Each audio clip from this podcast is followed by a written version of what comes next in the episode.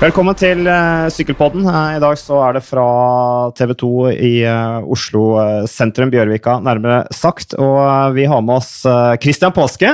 Du debuterer på Sykkelpodden i dag. Det er jo stort. Det er nesten det er så vi skal feire. I en alder av snart 50 så er det veldig stas. Nå er heldigvis ikke Sykkelpodden 50 år, sånn at det er for så vidt ikke noe stor skam, men det er artig å ha deg her. Det er veldig hyggelig å endelig få tid. Kommer rett fra 40-årsdag i Ålesund, og det ser ikke det snev sliten ut. Så det Nei, kan ikke ha vært hardt nok i det tatt. Kollega Sindre Olsen fylte 40, så det var en stor feiring. Veldig hyggelig.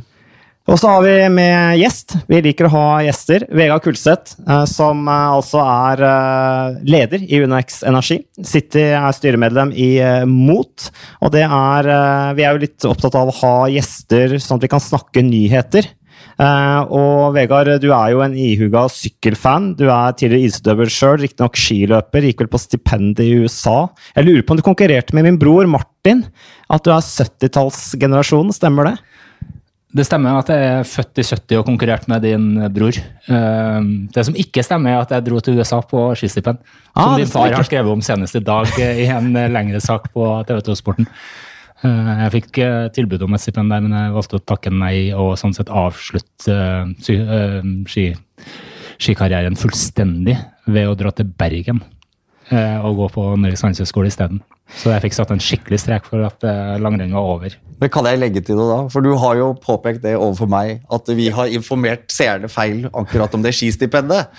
og så har du jo lagt i data, og det skal kanskje ja, rekrutteringen av syklister er være glad for, for der traff du også din kone. Ja, det stemmer. Jeg traff den uh, fantastisk flotte moren til, til, jeg sier her nå da, mine barn, våre barn, mm. uh, mens jeg studerte i Bergen. Så det var, det var greit, det. At vi sa nei takk til det stipendet i USA. Sånn sett har du noe til felles med min far, fordi han reiste heller ikke på stipend i USA.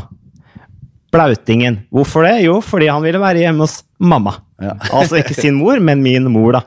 Så de uh, gifta seg jo pga. det. Så. Rekruttering der òg. Ja, så det ble, det ble bra. bra resultat allikevel. Mm. Så, men Vegard, eh, det er eh, spennende med Det er jo nyheter. Vi har fulgt med nå på sosiale medier. Så har UnoX med Det må jo nærmest dere Vi får nesten inntrykk av at det er kommunikasjonsavdelingen til UnoX. Det er i hvert fall flott laga, som har lagt ut da videoer på, på YouTube om at nå eh, eh, undersøker vi mulighetene for å ta steget opp. Uh, dere lever jo etter steg for steg, step by step. Uh, men når dere går ut såpass uh, offensivt med at ja, vi har konkrete planer, vi, vi undersøker planene, så må det være store ting på gang. Kan ikke du fortelle litt om det?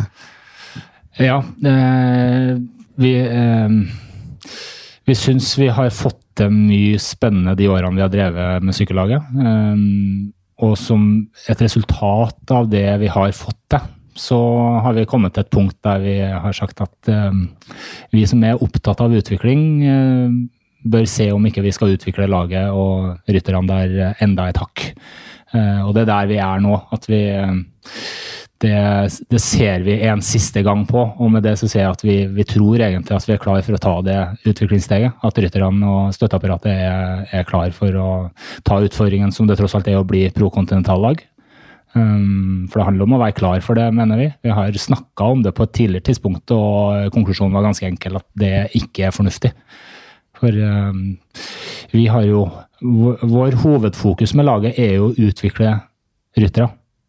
Ikke at vi skal skinne på den rette scenen. Uh, vi er ute etter å finne den rette scenen og det rette nivået for deres utvikling. Men uh, nå er signalene fra sportlig ledelse i laget at uh, veldig mange på det laget ser ut til å være absolutt sterke nok til å kunne ha glede av å sykle på pro-kontinentalnivået. Så vi tar en siste sjekk på det. Og så kommer jo konklusjonen en gang utpå vinteren her. Ja, for dere vil jo uansett være Dere kunne jo vært et utviklingslag for evig alltid, med den modellen dere har nå også, med unge ryttere som kommer opp videre ut i utlandet. Litt den tradisjonelle modellen som for øvrig nå er mye bedre tilrettelagt for norske ryttere enn det den har vært noen gang, med de satsingslagene som er i Norge, inkludert av eh, Joker, eh, Fuel of Norway, du har Coop, ikke minst, eh, og dere. Men nå ønsker, men nå tenker dere at nå er det også utvikling for selve laget, hele organisasjonen er klare for å ta steget opp? Ja, vi har veldig god følelse med at det er bygd en ordentlig bra struktur og med veldig mange ressurspersoner rundt uh, UnoX-laget nå. Som gjør at det er forsvarlig uh, på den måten å, å ta utføringen videre. Men igjen så er hovedfokusen på den siste nå, sjekken på om det her er fornuftig å gjøre, den går på om er det det beste for de fleste av rytterne på UnoX å løfte opp på det nivået. For deres utvikling er det det beste for deres utvikling. Eh, for eh, det er helt uh, heva enhver tvil at skal UnoX bli prokontinentallag, så er det med de rytterne vi har nå, som stammer. Så det skal ikke være sånn da at vi velger å gå prokonti for UNEX syns det er så morsomt å bli profflag, og Norges første profflag, og så bytter vi ut liksom brorparten av rytterne og henter inn da etablerte norske proffer. Sånn vil det ikke bli. Eh, laget skal være med eh, altså Stammen skal være den som er i dag. Eh, og så vil det selvfølgelig være naturlig å høre om det er noen av de som har vært ute og kjørt proff noen år med norsk pass, som eh, syns det kanskje kunne være spennende å bli med i en form for helnorsk, eller i hvert fall skandinavisk satsing. Da. Nå er jeg litt nysgjerrig. Jeg skal komme tilbake til det med ryttere og antall og sånn, men du har ennå ikke sagt noe om altså, kostnaden her. Uh, og det er jo det når man snakker med folk, liksom det der med å starte Jeg husker da Tor Hushovd skulle prøve å dra i gang Han ønsket jo å gå rett inn i worldtouren, som krever veldig mye penger. er det lov å spørre, Hva er budsjettet til Uno X sitt lag i 2019? Ja, du kan godt spørre, men jeg kan ikke svare. Nei. For det ligger hos, det ligger hos sykkelsjefen, som har full kontroll over det der. Jeg har selvfølgelig noenlunde peiling på det. Men hvis jeg sier det, at det er på 20 millioner? Det tror jeg er et bra eh, anslag. Ja. ja. Uh, og vil det si at det, eh, det å liksom stable 10-15-20 millioner til, hvis det liksom man føler at det kreves for å gå på pro conti, at det er liksom ikke noe problem? Nei, det er ikke et problem på den måten at vi totalt sett, hvis vi tenker det som en form for uh, de samla kostnadene vi har på markedsføring, og uh, så er det en, er det en omprioritering. Mm. Hva med Danmark, da? Altså, dere satser jo ganske hardt i Danmark, UnoX. Eh, og, og, eh, hva, og, nå er jo Colokvikk-sjefen vært på samlingen nede hos dere. Eh, jeg hørte i dag, eh, det hadde ikke jeg fått med før i dag, men at dere også er inne og sponser Colokvikk. Jeg vet at dere liker Colokvikk. eh, er det noen relasjon der? Ja, det er god relasjon. da. For altså, UnoX og Kolokvik har jo funnet hverandre med veldig likt tankesett. Mm. Eh, både med fokusen på utvikling og generelt veldig opptatt av det her med langsiktighet og sunne liksom, verdier og holdninger. og eh, ja, Det i, i førersetet og et ønske om at resultater skal komme mer enn nettopp som et resultat av at man tenker langsiktig og jobber det vi oppfatter som riktig, da, fremfor at man er sånn hyperhysterisk opptatt av at vi må vinne neste sykkelritt. Eh, så Sånn sett så har man funnet hverandre veldig godt og har god relasjon. Eh, men det er jo som det er blitt presisert i dag, og det foreligger overhodet ikke noe, noe, plan om at man skal sånn type fusjonere eller et eller annet sånt. Kolokvik skal fortsette som et dansk kontinentallag. UnoX kjører jo sitt løp nå da, gjør den vurderinga om de skal bli prokontinental. Uh, og det er jo ikke UnoX sykkellaget som nå har gjort noen avtale med Kolokvik. Det er jo selskapet UnoX som du er inne på, som også er stor i Danmark. Vi er faktisk større. UNEX er jo større i Danmark enn i Norge. Uh, og når du tenker på at uh, I Danmark så er jo sykkel ekstremt stort. Altså Både sykkel som sport og sykkel til hverdags. Så det er klart for oss som en bedrift som er veldig positiv til generelt å være engasjert i sykkel og om mulig inspirere folk til å bruke sykkelen enda mer i hverdagen, så er jo det å også uh, engasjere oss i sykkel i Danmark egentlig en svært logisk, eh, logisk greie. Ja, På samme måte som dere også er inne som eh, Dere er jo partner, eller det støtter jo også Norges Sykkelforbund. Og har på mange måter reddet satsinga der på, på, flere nivåer. Eh, I tillegg så er dere også inne og sponser det danske sykkelforbundet. Eh, så, men en annen ting når du nevner dette her med, med satsing på sykkel, er det, det er jo litt morsomt da, med et drivstoffselskap eller et energiselskap som er så opptatt av at folk skal sykle. Er ikke det egentlig helt vilt? Eh, burde ikke dere ønske at folk skal kjøre bil? Ja, det, det har jeg hørt før. Eh, og det er klart, hvis man eh, hvis man bare er seg sjøl nok, så skulle man kanskje tenkt sånn, som drivstoffselskap. Men, er det for å få god samvittighet? Nei, vet du, i dag Jeg tror vi, de, de, aller fleste av oss, uavhengig av hva vi holder på med, vi, hvor vi går på jobb og i hele tatt, så vet vi De aller, aller fleste av oss vet at vi har faktisk noen ganske formidable utfordringer. Som ikke nødvendigvis er noe som Det, det vet ikke jeg, men om, om, det er noe som kommer til å påvirke oss så kjempemye vår levetid. Men at det er noen ordentlig store utfordringer fremover I hvert fall for de som kommer etter oss. Det er det, det, er det jo ingen tvil om. Um, og så er de utfordringene så store at det er ingenting i dag i hvert fall som tyder på at det finnes én en enkel løsning på de utfordringene. Uh, og da syns vi vel egentlig at det er ganske naturlig at man tenker som så at når det ikke finnes én en enkel, mirakuløs løsning, så må i hvert fall alle som har muligheten til å gjøre et eller annet, prøve å gjøre det i et håp om at summen av mange ting som blir gjort, kan bli eh, bra. Bra til slutt, ja. I hvert fall bedre enn at vi ikke gjør noen ting. Ja. Man kan selvfølgelig bli helt, føle seg maktesløs også, for utfordringen er faktisk så stor at den føles litt uoverskuelig og, mm. og, håpløs. Og man kan begynne å fokusere på mye annet som er så svært at du tenker at det du sjøl gjør, utgjør ingenting. Men eh, jeg er veldig for at man ikke på en måte blir motløs og tenker sånn. da. Og for oss som selskap så har det lenge vært sånn at vi i hvert fall Og vi er jo da sånn i veldig nære det som egentlig er mye av kjernen til problemet her, nemlig fossil energi. Uh, nå er vi riktignok bare et handelsselskap som da på en måte handler med de energiproduktene som er tilgjengelige for å fylle på biler. Uh, og vi, jo, vi uh, gjør et forsøk på å etablere energistasjoner med hydrogen som er et rent alternativ. Vi sier konsekvent nei til å blande inn palmeolje i, i biodrivstoff. Men den ultimate altså på mange måter i våre øyne det aller aller mest nærliggende og enkleste som vil utgjøre ganske mye, det er jo hvis vi alle sammen bare kunne sykle litt mer i hverdagen. Mm. Ja. Sånn, og det løser flere ting, for det er, det er åpenbart på en måte hjelper det på klimagassutslipp hvis vi sykler istedenfor å kjøre bil, eller buss for den saks skyld òg. Kollektivt selvfølgelig mye bedre enn en bil, men det er det. Og så får du med deg eh, en, eh, en hjelpende hånd på den massive utføringa rundt inaktivitet og folkehelse, hvis vi bare bruker sykkelen på jobb. Uh, og så er det jo utover selve klimagassutslippene, så er det jo også sånn at verden sliter jo livet av seg med rene trengselsproblemer, i hvert fall rundt alle store byer. Som jo også gjør at vi bare burde parkere den privatbilen det er plass til flere på sykkelstien, ikke sant? Det er plass til forferdelig mange flere på den ja. sykkelen. Um, så, det, så, det blir i det perspektivet at vi uh, for veldig mange år siden begynte å tenke at sykkel, det er forhåpentligvis en megatrend i verden. Forhåpentligvis er sykkel i ferd med å bli en megatrend. Men for å hjelpe på, måte, på den, den, snøballen og den trenden, så er det å tenke sånn som vi har, alle har, mange har mye god erfaring med, nemlig forbilder, helter. De inspirerer. Mm. Og når vi snakker om å prøve å inspirere flest mulig til å sykle, hvem ser vi til da? Og da ser vi jo til de profesjonelle syklistene. Mm. Og de skaper masse interesse og positiv eh, greie rundt eh, sykkel generelt. Så det er egentlig den der litt lange resonnementet bak at vi har valgt å gå så tungt inn på å, å støtte sykkel. Bare billig drivstoff når du ikke sykler. Ja. Handle lokal, lokalt, tenke globalt. Men uh, en annen ting er at dette med forbildene. Er jo, dere er jo tydeligvis inspirert av uh, den uh, modellen til British Cycling.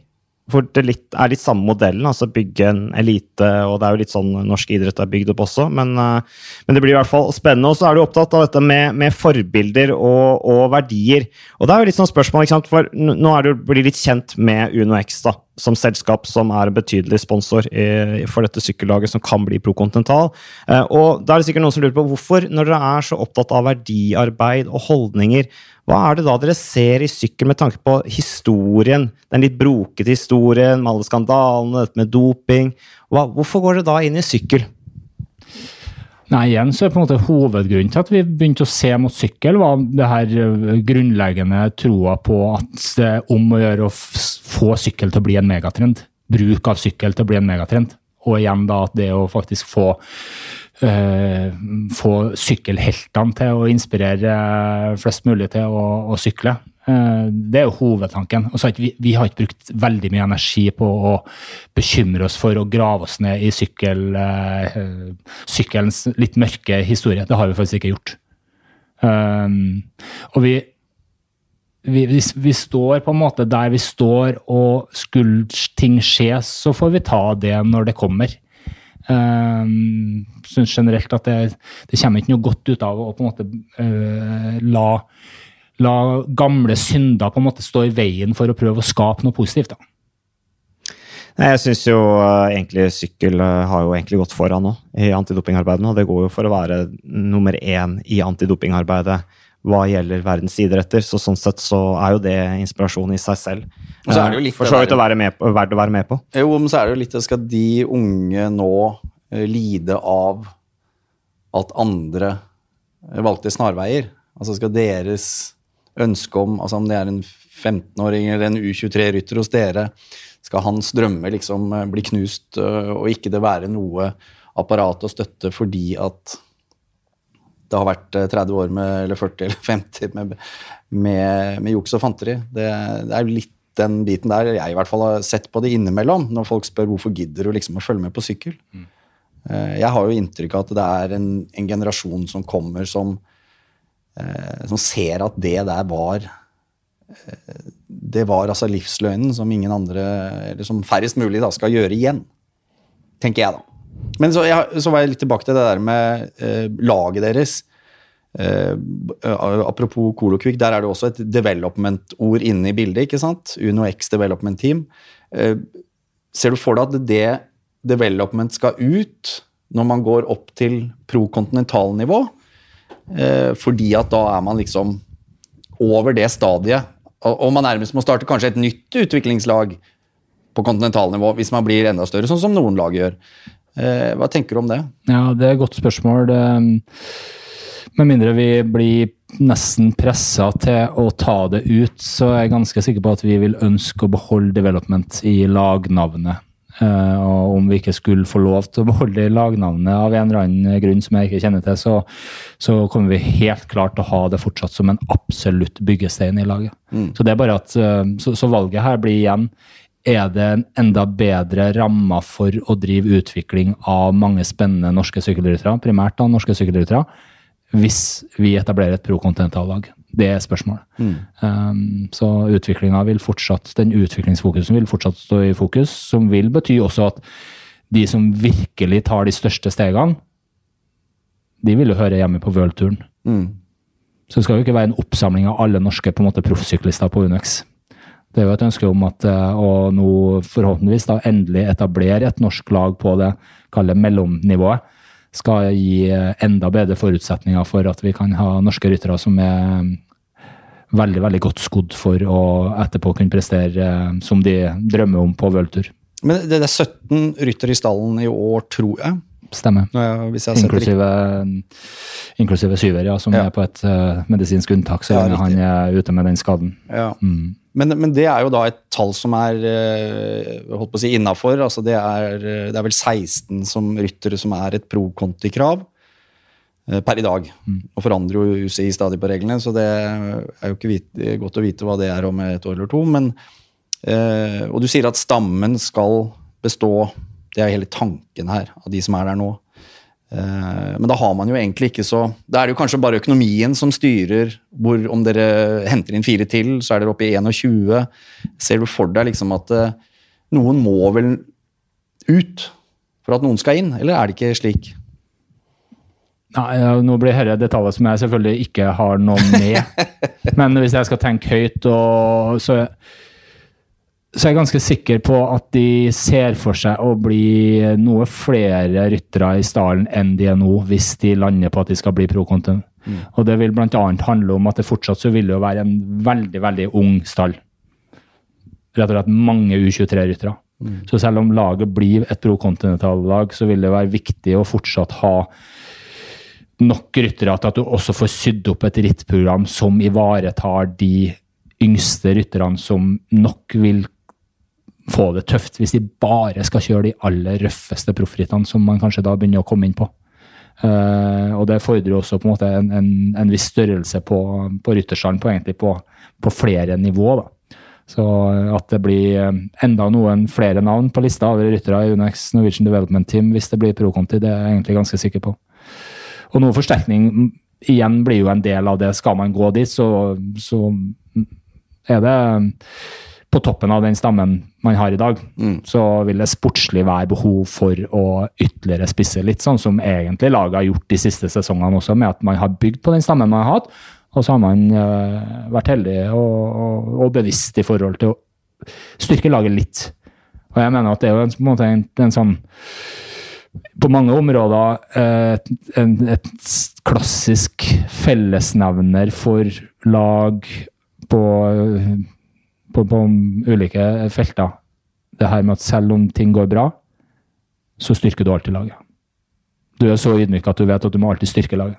Selv om du har vunnet alt. Mm. Altså fotballag som har vunnet alt, de styrker laget den sommeren for å ha håp om å på en måte liksom være fortsatt på topp når sesongen starter igjen i august. Det er vel for at de som da er der, også skal på en måte kjenne at her, ja. her må man prestere, hvis ikke så Ja, og da, og da, er jeg tilbake til det ordet som vi er sånn sett så glad i, da, med utvikling. For det er liksom det å ha det der i ryggmargen, at du hele tida søker utvikling. Helt uavhengig av hvor høyt nivå du har kommet på, så skal man liksom sulten, lysten til å lete etter noe som kan bli enda litt bedre. Altså bare rett og slett bare kjenn gleden ved å lete etter noe som kan bli enda litt bedre. Ikke nødvendigvis press og stress at vi må bli bedre, men vi har lyst til å bli enda litt bedre. Det er gøy. Altså Både på idrettsfronten og i bedriftssammenheng så kjempegøy. Ja, ser man får det til. blir liksom uh, mange som tenker på den måten. Da. Men er det noen ritt dere liksom uh, Altså Skal man være garantert noen ritt, så er man jo på, da må man jo på worldtour. Altså, hvis det er sånn at uh, Uno X skal vise seg fram i Tour de France eller Giroen fordi man skal åpne stasjoner der, eller hva det er, Uh, men er det, eller er det sånn at dere tenker fortsatt på utviklingsstigen der, og at det er ikke så farlig om man ikke kommer med i Flandern rundt eller et annet stort ritt med en gang? Det her vil jeg tro at både sportslig ledelse og rytterne er ganske mye mer konkret i sine drømmer enn det jeg er. Så det, det Nei, nei, jeg skjønner det. Men, ja, det, bare, fordi det er vel sånn da at i, hvis du ser på enkelte av pro-kontinentallagene i dag, som har valgt å bli der for å, å slippe den derre eh, De enorme kravene som er på worldtouren. Så har de sikret seg én eh, eller to, kanskje, stjerner som gjør at de vet at de får sant, eh, innpass i eh, Du har Varum Bargil, for eksempel. Eh, som, da vet det laget, Arkea Samsic som det nå heter, at de får plass i Tour de France. Um, ja, det var jo nå Corridon Circus ikke sant, som får være med i klassikerne pga. Mathieu van de Poel. Det er kun pga. han.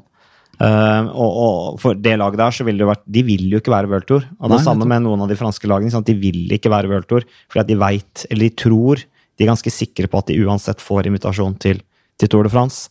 Uh, nå jo, snakket vi akkurat med Claude Rask her på huset, som jo jobber i ASO, og sa det der, det blir jo stadig trangere nåløye å få den wildcarden til, til, Tour de France. Men, men slik jeg oppfatter eh, Kurt Asle Arvesen, Stig Kristiansen og, og, Jens Haugland i UNAX, så tenker liksom, de tenker jo ikke at de skal delta i Flandern rundt neste år, eller sannsynligvis ikke om to år heller.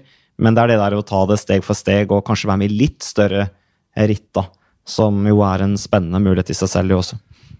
Ja da, og så er det jo sant, vi, som, vi, er jo, vi, er jo, både da sponsoren på laget, og vi eier laget. Uh, og vi har en sånn fokus på at vi ønsker å promotere sykling generelt, for det er positivt uh, om flere vil sykle i hverdagen. Og vi syns det er artig å jobbe med utvikling både i bedriften og da med det her sykkellaget. Så er vi rent norsk-dansk selskap. Så det her på en måte liksom, og så mange andre i sykkel på en måte nesten sånn avhengig av overfor sine sponsorer. da, Å nettopp levere både deltakelse i de største rittene og levere resultater. Der er vi så privilegerte at vi kan ha et mye mer avslappa forhold til det. For det er ikke det viktigste, det er ikke hovedmotivasjonen vår til å sponse og eie sykkellaget vårt. Eh, vi ønsker å jobbe godt med det eh, og, og, lage gode rammer for utvikling. Og så er det selvfølgelig kjempemorsomt å både bli invitert til eh, sykkelritt som blir vist på TV-en, og det er vanvittig morsomt for alle som jobber rundt laget de gangene man lykkes en gang iblant med å vinne et sykkelritt. Mm. Men det er sånn bonusting for oss, sånn som vi jobber og tenker. da. Mm. Det at dere nå er blitt så eh, viktig for eh, altså litt sånn post VM i Bergen så har jo UnoX gått inn og på en måte tatt over driftskostnadene rundt U23-satsingen med landslaget. Dere har gått inn og reddet um, Tord og Hallingdal um, i fjor, som norgescupritt. Dere har vært inne på, på Hightech Products på kvinnesiden og sånn. Jeg frykter ikke at dere blir så store at det, liksom, det blir uh, Uno X sykkelforbund? Ja, det syns jeg er et veldig, veldig godt uh, godt spørsmål. Uh, en god refleksjon, som vi definitivt også har uh, snakka mye om. Uh, og det, For å ta sånn som et av eksemplene du nevner opp her nå med Tore Hallingdal, så satt det veldig langt inne å gjøre den redninga som vi gjorde der. Ikke fordi at det var et spesielt stort beløp, men ut fra signaleffekten. At nå begynte vi å føle at nå, nå, kommer, vi, nå, kommer, de nå kommer vi dit der man kan begynne å tro at Unex redder det uansett, på en måte. Og hva, hva som helst. Og I forbindelse med, den, med det Tore Hallingdal så sa vi også det at nå nå er vi avhengig i norsk sykkel av at det er en del andre gode krefter som også på en måte stiller opp. For det vil aldri være mulig for Unex alene på en måte å løfte norsk sykkel videre. Uh, nå skal jeg også være helt ærlig og si at det er ikke sånn at alt det vi har gjort, inklusive Tore Hallingdal, når vi tok det som et eksempel nå, er sånn rent sånn Eh, rent bare sånn eh, veldedighet. veldedighet. Fordi at det er jo da eh, ekstremt både U23-satsinga til forbundet, Tore Hallingdal som etapperitt i Hallingdalen, veldig, veldig viktig byggescene i vårt tankesett med å utvikle unge ryttere. Så det er på en måte en del av vårt eget fundament som knaker i sammenføyingene der, hvis ikke det blir ført videre. da. Så det henger litt mer sammen med vår på mange måter kjernevirksomhet nå på sykkel, som da er sykkellaget, enn det man kanskje i første omgang vil, vil tro. Jo, også, de som får... er tett inni det nå, vil også legge merke til at vi litt sånn sakte, men sikkert nå, så har vi jo tona ned en del engasjement som vi hadde for noen år siden i sykkel. Så du er helt åpen på det at vi er jo i ferd med å konsentrere våre og Derfor jeg sier også litt sånn I det store bildet for oss så er det en omprioritering. For det blir helt klart UnoX, Norwegian Development Team, som er den store satsinga til UnoX i sykkel. For jeg bare tenker at sykkel er eh, ikke en så stor idrett i Norge. Eh, og ha, føler dere at dere har fått liksom aksept, eller en kald skulder og litt sånn kritikk, og noen lurer litt på hva er de driver med og sånn, med at dere har gått inn, eh, men ikke bare for å skape tilbud til deres eget lag, men det er jo, det er jo andre lag som er med der òg. Ehm, for jeg, jeg, tenker en del mindre idretter så blir det sånn at man eh, man ser nødvendigvis bare det onde i anførselstegn i et sånt engasjement. Ja, for nå tenker du på det U23-satsinga til forbundet? For eksempel. Ja. Nei, vet du jeg, jeg, Det er helt sikkert noen Og det var vel kanskje noen kommentarer når du sier det, sånn eh, også mediemessig i forhold til om det var problematisk og at Unex kjøper seg landslagsplasser og sånn, som jeg syns er helt betimelige spørsmål. Um, og ingen mer enn oss egentlig kunne ønska at forbundet selv hadde økonomien til å drive det der sånn som et forbund helst skal gjøre. Mm. Så det er en nødløsning. Samtidig, når den nødløsninga ble ble det som var alternativet. Så sett fra vår side så er det heller ikke sånn at vi kan ikke eh, love bort eh, følgebiler og lastebiler og mekanikere og støtteapparat eh, uten å være sikker på at i hvert fall noen av våre egne ryttere faktisk sykler der. For da dummer vi oss fullstendig ut da igjen i forhold til våre egne ryttere. Mm. Ja, for Det vil jo også være bra for utviklingen. Hvis la oss si at UnoX blir pro continental nå, så vil det jo være bra for utviklingen at andre lag også får et bra fundament, et bra satsingsopplegg, og at ryttere vil dit også. At det blir en konkurranse om de norske rytterne. Det vil jo også være bra for utviklingen av norsk sykkelsport. Så, jo, men det har jo det har vært et skifte. Altså det, det, er også i den derre biten med hva, hvordan reagerer resten av sykkelmiljøet. Det var veldig mange år hvor det var liksom Joker, eh, som er et kontinentallag, eh, som dere i dag. Som var liksom den store sånn utklekkings... Eh, laget for de som ønsket å ta et steg videre. Eh, og hvor de fleste ville gå. Og nå har det skifta. Nå er det jo sånn at uh, dere har hentet ryttere fra, fra Joker. Uh, det er jo ikke alltid sånt det er uproblematisk når det kommer en stor sterk en plutselig på banen. Nei, men altså, vi har jo ekstremt uh, respekt for uh, ikke bare hva Joker har gjort historisk, men hva Joker fortsatt driver med. Og de er jo på mange måter en inspirasjon for oss hvor dyktig det har vært. og det skal jo, Man skal jo huske på at senest nå da, før denne sesongen her, så sendte jo nok en gang ryttere ut på worldtour-nivå med både Carl Fredrik og Rasmus. Så jeg føler liksom ikke at Joker akkurat er parkert på noen som helst måte. Men, Nei, men si det, forholdet, forholdet, mellom Joker og, og Unex er veldig veldig godt av flere grunner. Og eh, det har vært Fra vi starta å engasjere oss i Sykkel-Norge, så har det òg vært en av tingene vi har i hvert fall ønska å prøve å bidra til. Det er altså, sånn sett ærlige og, og, og, gode rett og slett relasjoner på tvers av lag og regioner. og sånn, For det som du sier, sykkel er ikke så stort i Norge. Og Norge er faktisk ikke et så stort land heller. Så vår filosofi er at vi har rett og slett ikke råd til å drive og sitte sånn helt ekstremt på vår, eh, hver vår tue. Um, så det å på en måte liksom være, vær raus med hverandre i uh, lille Norge og i sporten sykkel, det tror jeg er en uh, sånn helt, faktisk helt nødvendig uh, Men hvis ikke man er bevisst på sånne ting, enten det er dere eller andre lag, så kan det jo liksom rasere hele alt det man har bygget opp de ti siste årene. Mm. Absolutt. Mm. Men det er i hvert fall spennende. Eh, bare sånt siste spørsmål rundt eh, det her. kan vi stille, kan, vet vi når, liksom, eller har du noen tanke om når man eventuelt, sånn tidsmessig, når man da kan si at ok, nå er vi Vi kommer til å bli kontinentallag, eller eh, er det noe, liksom, har du noen deadline på det i løpet av 2019? Ja, jeg tror Det vil overraske meg hvis ikke Jens og Kurt og Stig og de gutta stort sett har landa der nå i løpet av mars. Konklusjon. Det vil jeg. Ja, og det er Jens Haugland som da er ja. sykkelsjefen. Ja, som er sykkelsjefen. sykkelsjefen over alle sykkelsjefer. Hvordan i all verden ble han sykkelsjef? Ja. Altså, var han ikke egentlig økonomidirektør? Ja, altså Jens Haugland det er litt av en fyr, da. Eh, og det skal jo sies. Og det er litt sånn, det må jeg faktisk bare kort si når du spør om det her sant, med kostnader og alt sånt som det er. Det er klart Vi driver på mange måter allikevel veldig veldig enkelt. Det er f.eks. ingen sponsorsjef i Unex, selv om vi er en veldig nå stor aktør. For vi gjør det enkelt. Jens Haugland han er administrerende direktør for UnoX Norge. Det er liksom jobben hans. Så er han sykkelsjef i tillegg. Um, og det har han jo vært da, siden vi starta det med, her med sykkel. Jeg tror jeg faktisk bare sa det en gang for veldig mange år siden og bare kalte den sykkelsjefen i en eller annen intern sammenheng. Og så likte han. likte han det så godt at uh, da fant vi ut at uh, Og han har jo det som Twitter-navn også. Ja. Altså, det, ja. Hvor, hvor, har interessen for sykkel kommet inn i organisasjonen deres, egentlig? Hvor stammer det fra?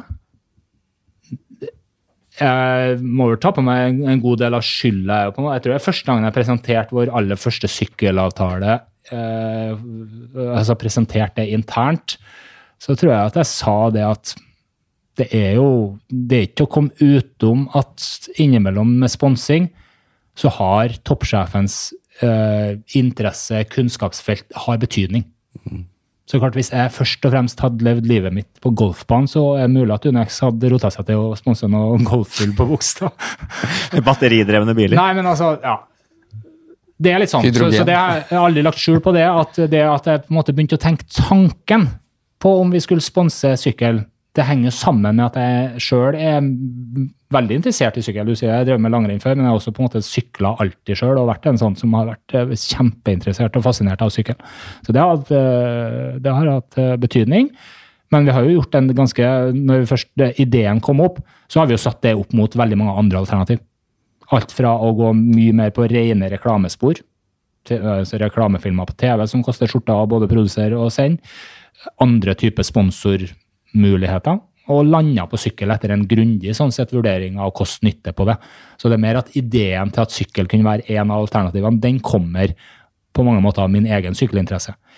Og så har det på noe da balla på seg sånn som det har gjort nå, veldig mye igjen fordi at jeg fant Jens Haugland og så at her kan vi kan faktisk gjøre masse spennende ting, som også er spennende for oss som bedrift, uten å bygge opp en uh, dyr uh, administrasjon rundt og holde på med det, fordi at han karen er ufattelig dyktig.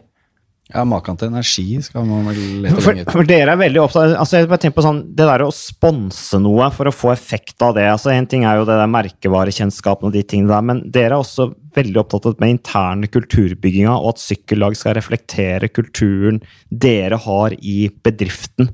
Kan du fortelle litt om det?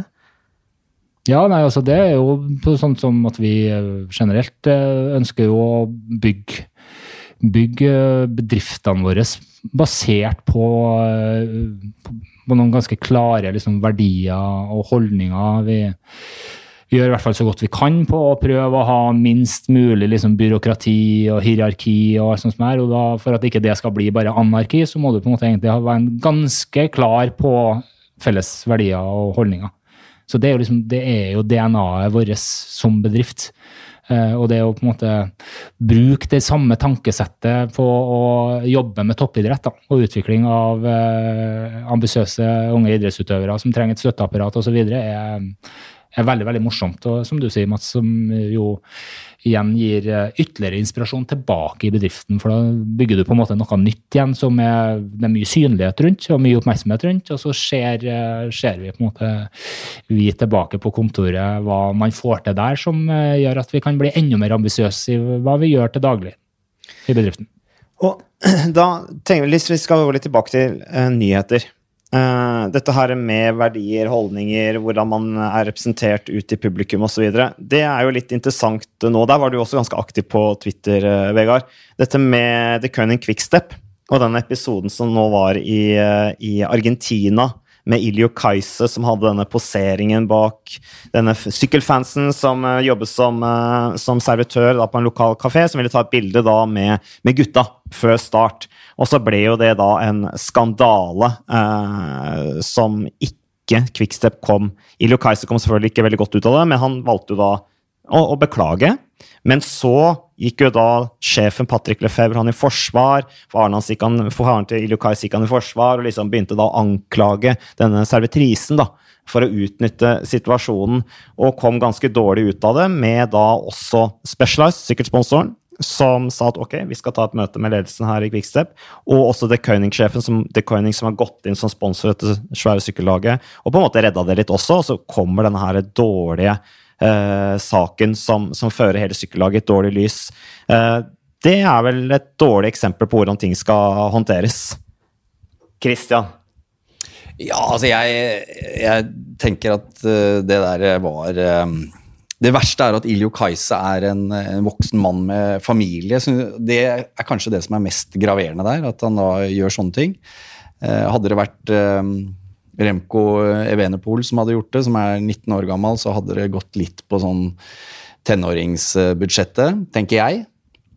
Eh, og så er det sosiale medier. Nå kan du ikke gjøre noe som helst uten at det er, eh, blir klistra ut overalt. Og så virker det veldig uklokt å ikke bare legge seg paddeflat med en gang og si at det der skulle ikke skjedd. De måtte jo nesten Altså, de, de stilte vel ikke opp på, en, eh, på premieutdelingen etterpå. Altså, det var, de måtte liksom dra seg til øra. Jeg har truet med boikott av arrangementet, trekke rytterne ut.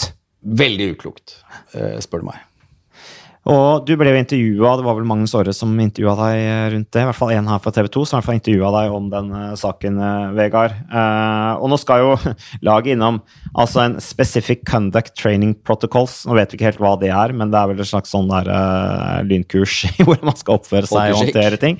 Et eller annet. Men det er jo kanskje manglende form for ydmykhet. Hva tenker du, Vegard? Ja, jeg syns det er et godt nøkkelord eh, veldig, veldig ofte her i livet. Ydmykhet.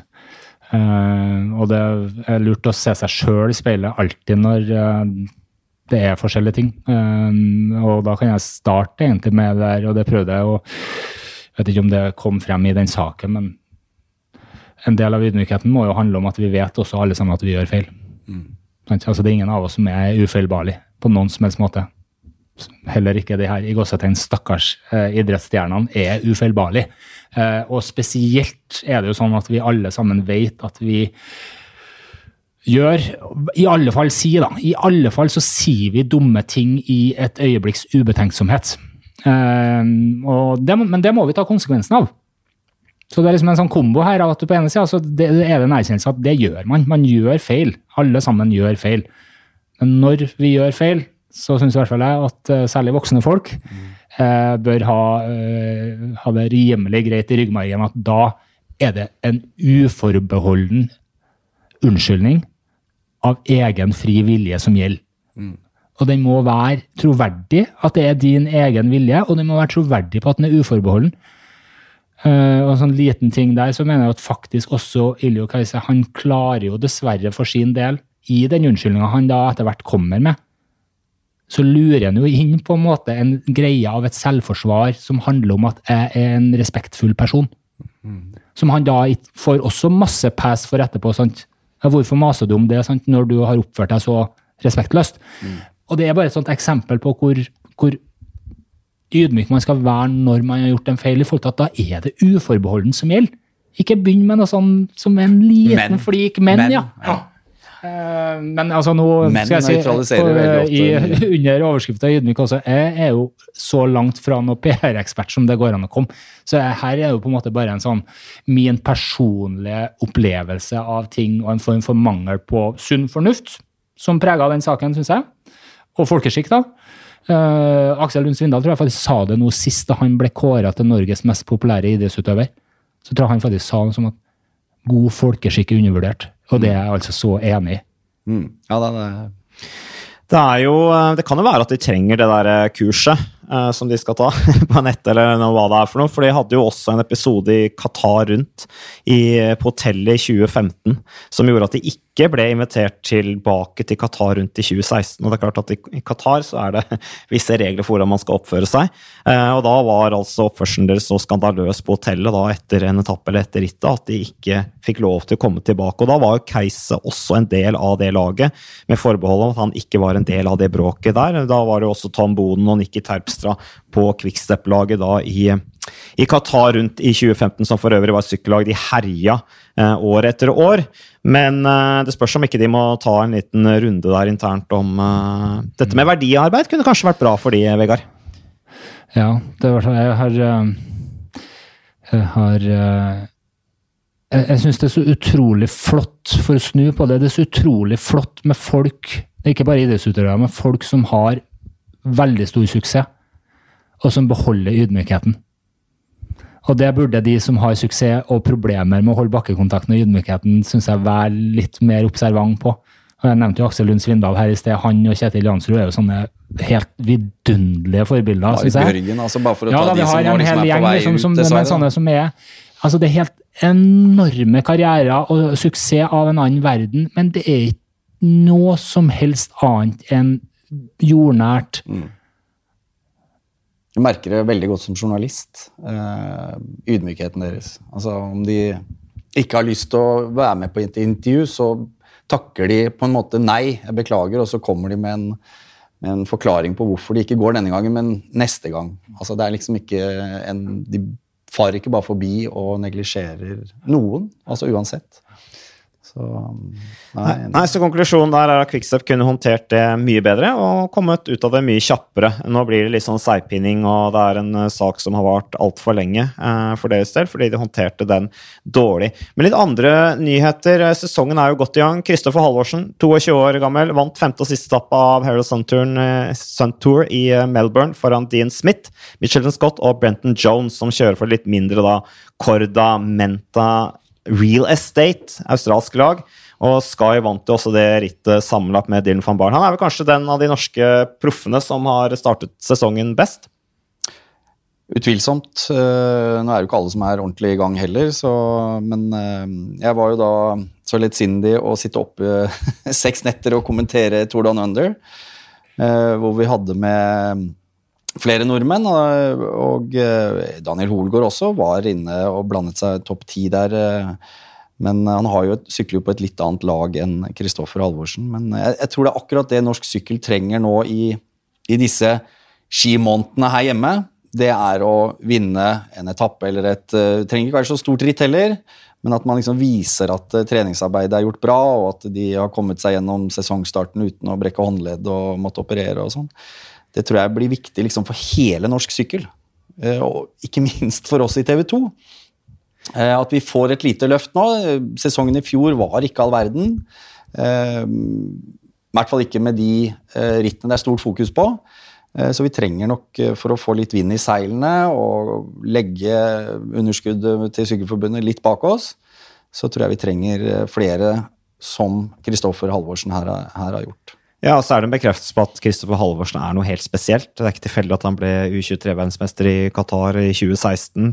Og ikke minst bekreftelsen overfor laget hans. ikke sant? Når de jobber for han, trekker og spurter for han, disse gutta, erfarne gutta der. Det er grenser hvor mange ganger de gidder å gjøre det hvis han ikke leverer. Og er, han blir jo kun målt på én ting, og det er jo seier. Det er kun gull som glitrer når du har den posisjonen der i et lag som Team Sky, hvor du endelig får muligheten til å spurte for seg. Så vi gratulerer Kristoffer Halvorsen med den uh, seieren. Det tar jo litt sånn børen av skuldrene. altså Beholde ydmykheten og fortsette å kjempe for hver gang du får mulighet. For det er sikkert ikke all verdens muligheter for Kristoffer Halvorsen, selv om jeg vil tro at han vil være på et rittprogram som kanskje er noe mer light enn uh, en det Eller fremdeles er ganske light, da i forhold til hva en del av de andre rytterne må inn på.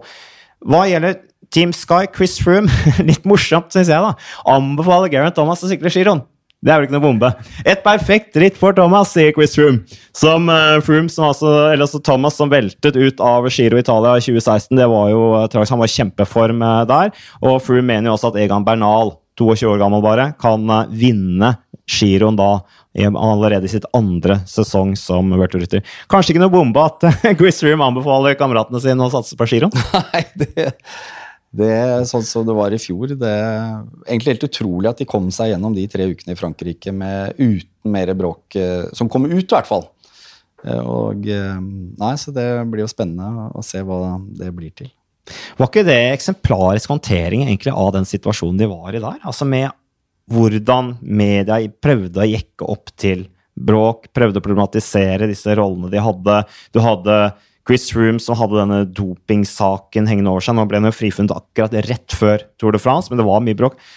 Var ikke Jeg syns Sky håndterte den saken her utrolig bra. Ja, men Der tror jeg vi er litt inne på det der med ydmykhet. Altså Jeg opplever i hvert fall Garen Thomas og Chris Froome faktisk òg som meget ydmyke personer som veldig sjelden sier noe stygt om noen.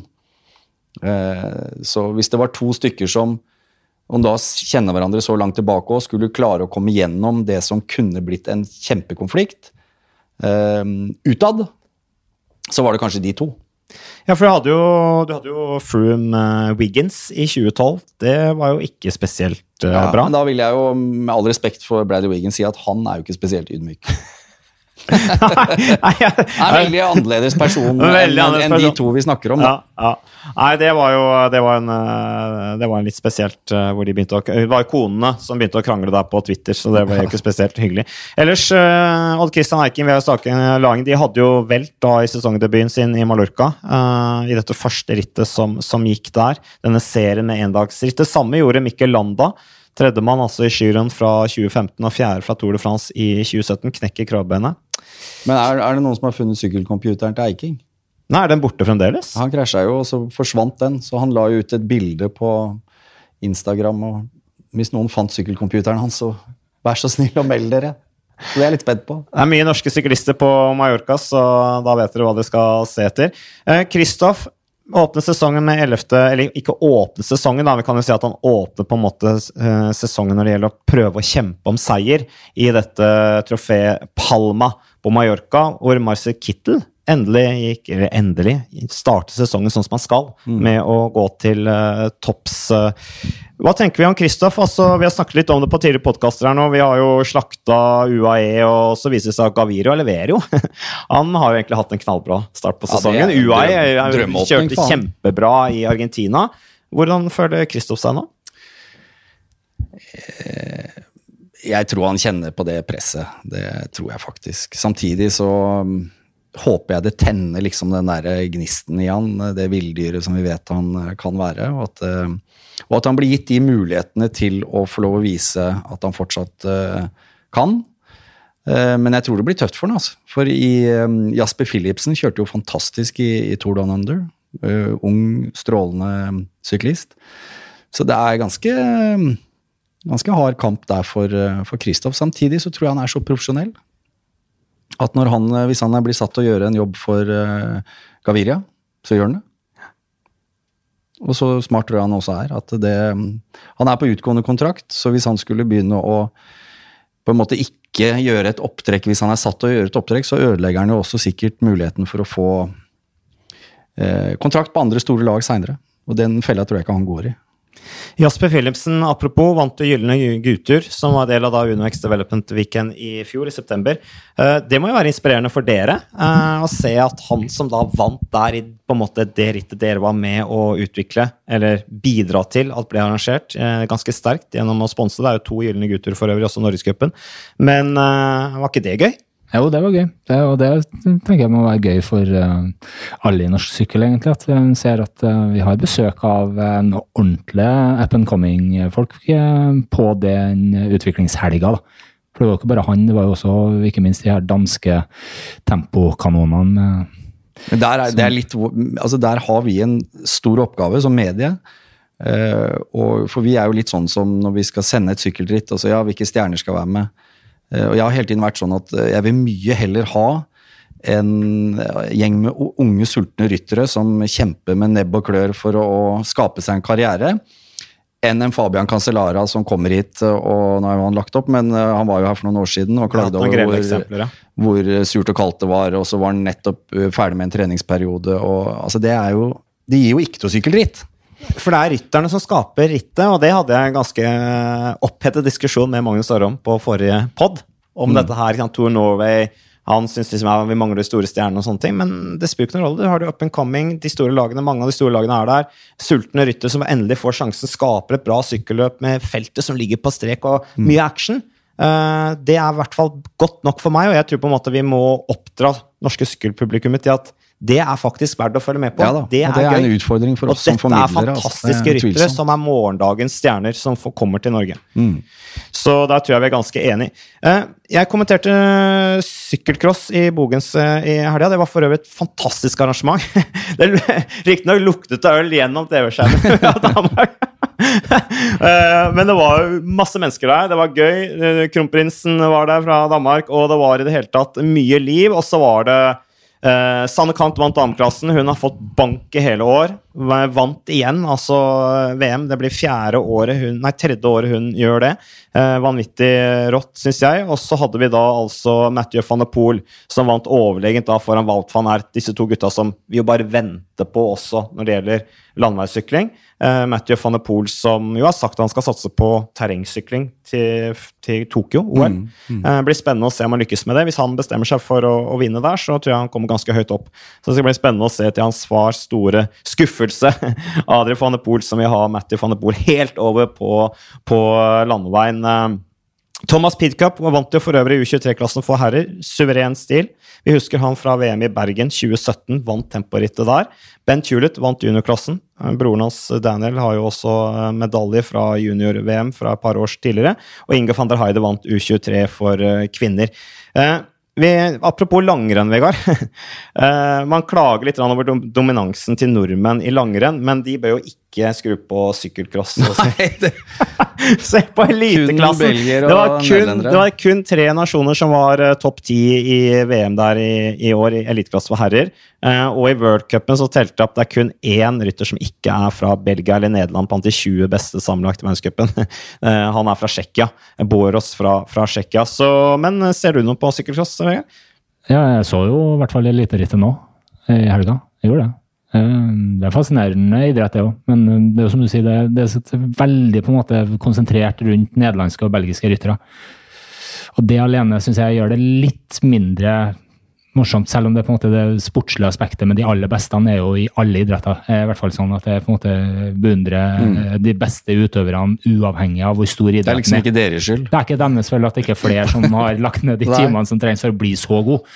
Men uh, litt den derre det mangfoldet som du har da på, som vi er veldig godt vant med i landeveissykling, det, det, er det jo definitivt ikke på sykkelcross, nei.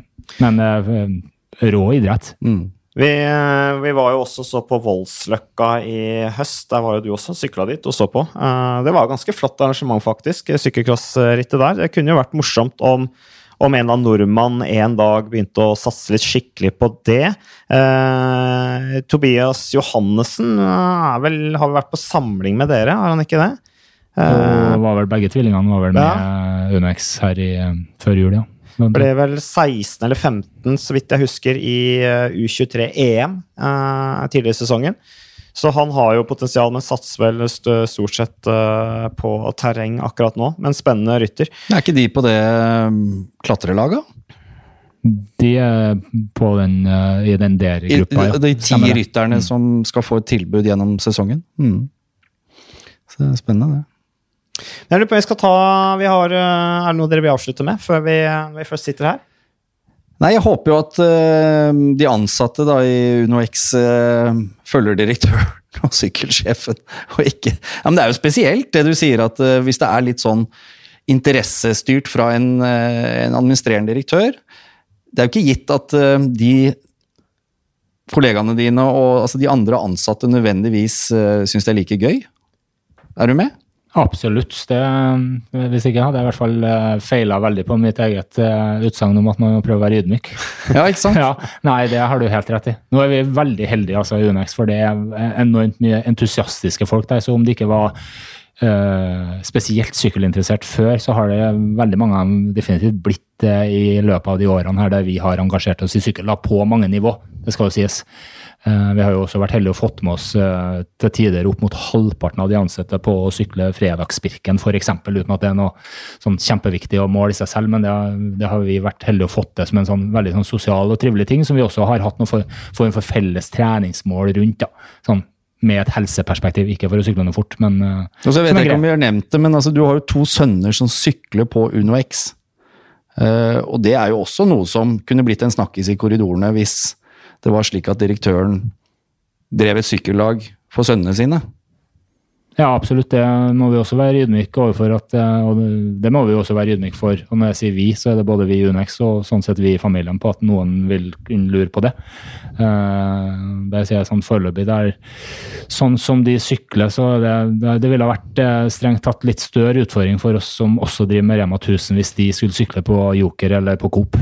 Så det er godt vi har dem. Så det er godt vi har fanga dem i eget lag. Men er det sånn at direktøren slutter å drive sykkellag den dagen sønnene ikke sykler? Det kan jeg absolutt garantere deg at det er helt uavhengig av deres eh, sykkel. De driver med sin sykkelgreie, og så driver vi som bedrift med eh, de valgene vi gjør. Absolutt. Det lar vi det være siste ord. Og så takker vi for at du ville være gjest her, eh, Vegard Kulseth. Og takk for at du eh, takk for jeg fikk være med. debuterte på Sykkelpotten eh, på den, Christian Påske. Du kommer tilbake, det vet vi. Og så ønsker vi alle en videre fin kveld eller dag. Eller vi, må jo, vi må jo også legge til å si lykke til på pro-kontinivå. Ikke minst. Og så er det masse sykkelløp som kommer nå fremover, og sesongen den er allerede i gang på TV2 Sport, men det blir mer. Det blir masse mer. Så velkommen tilbake.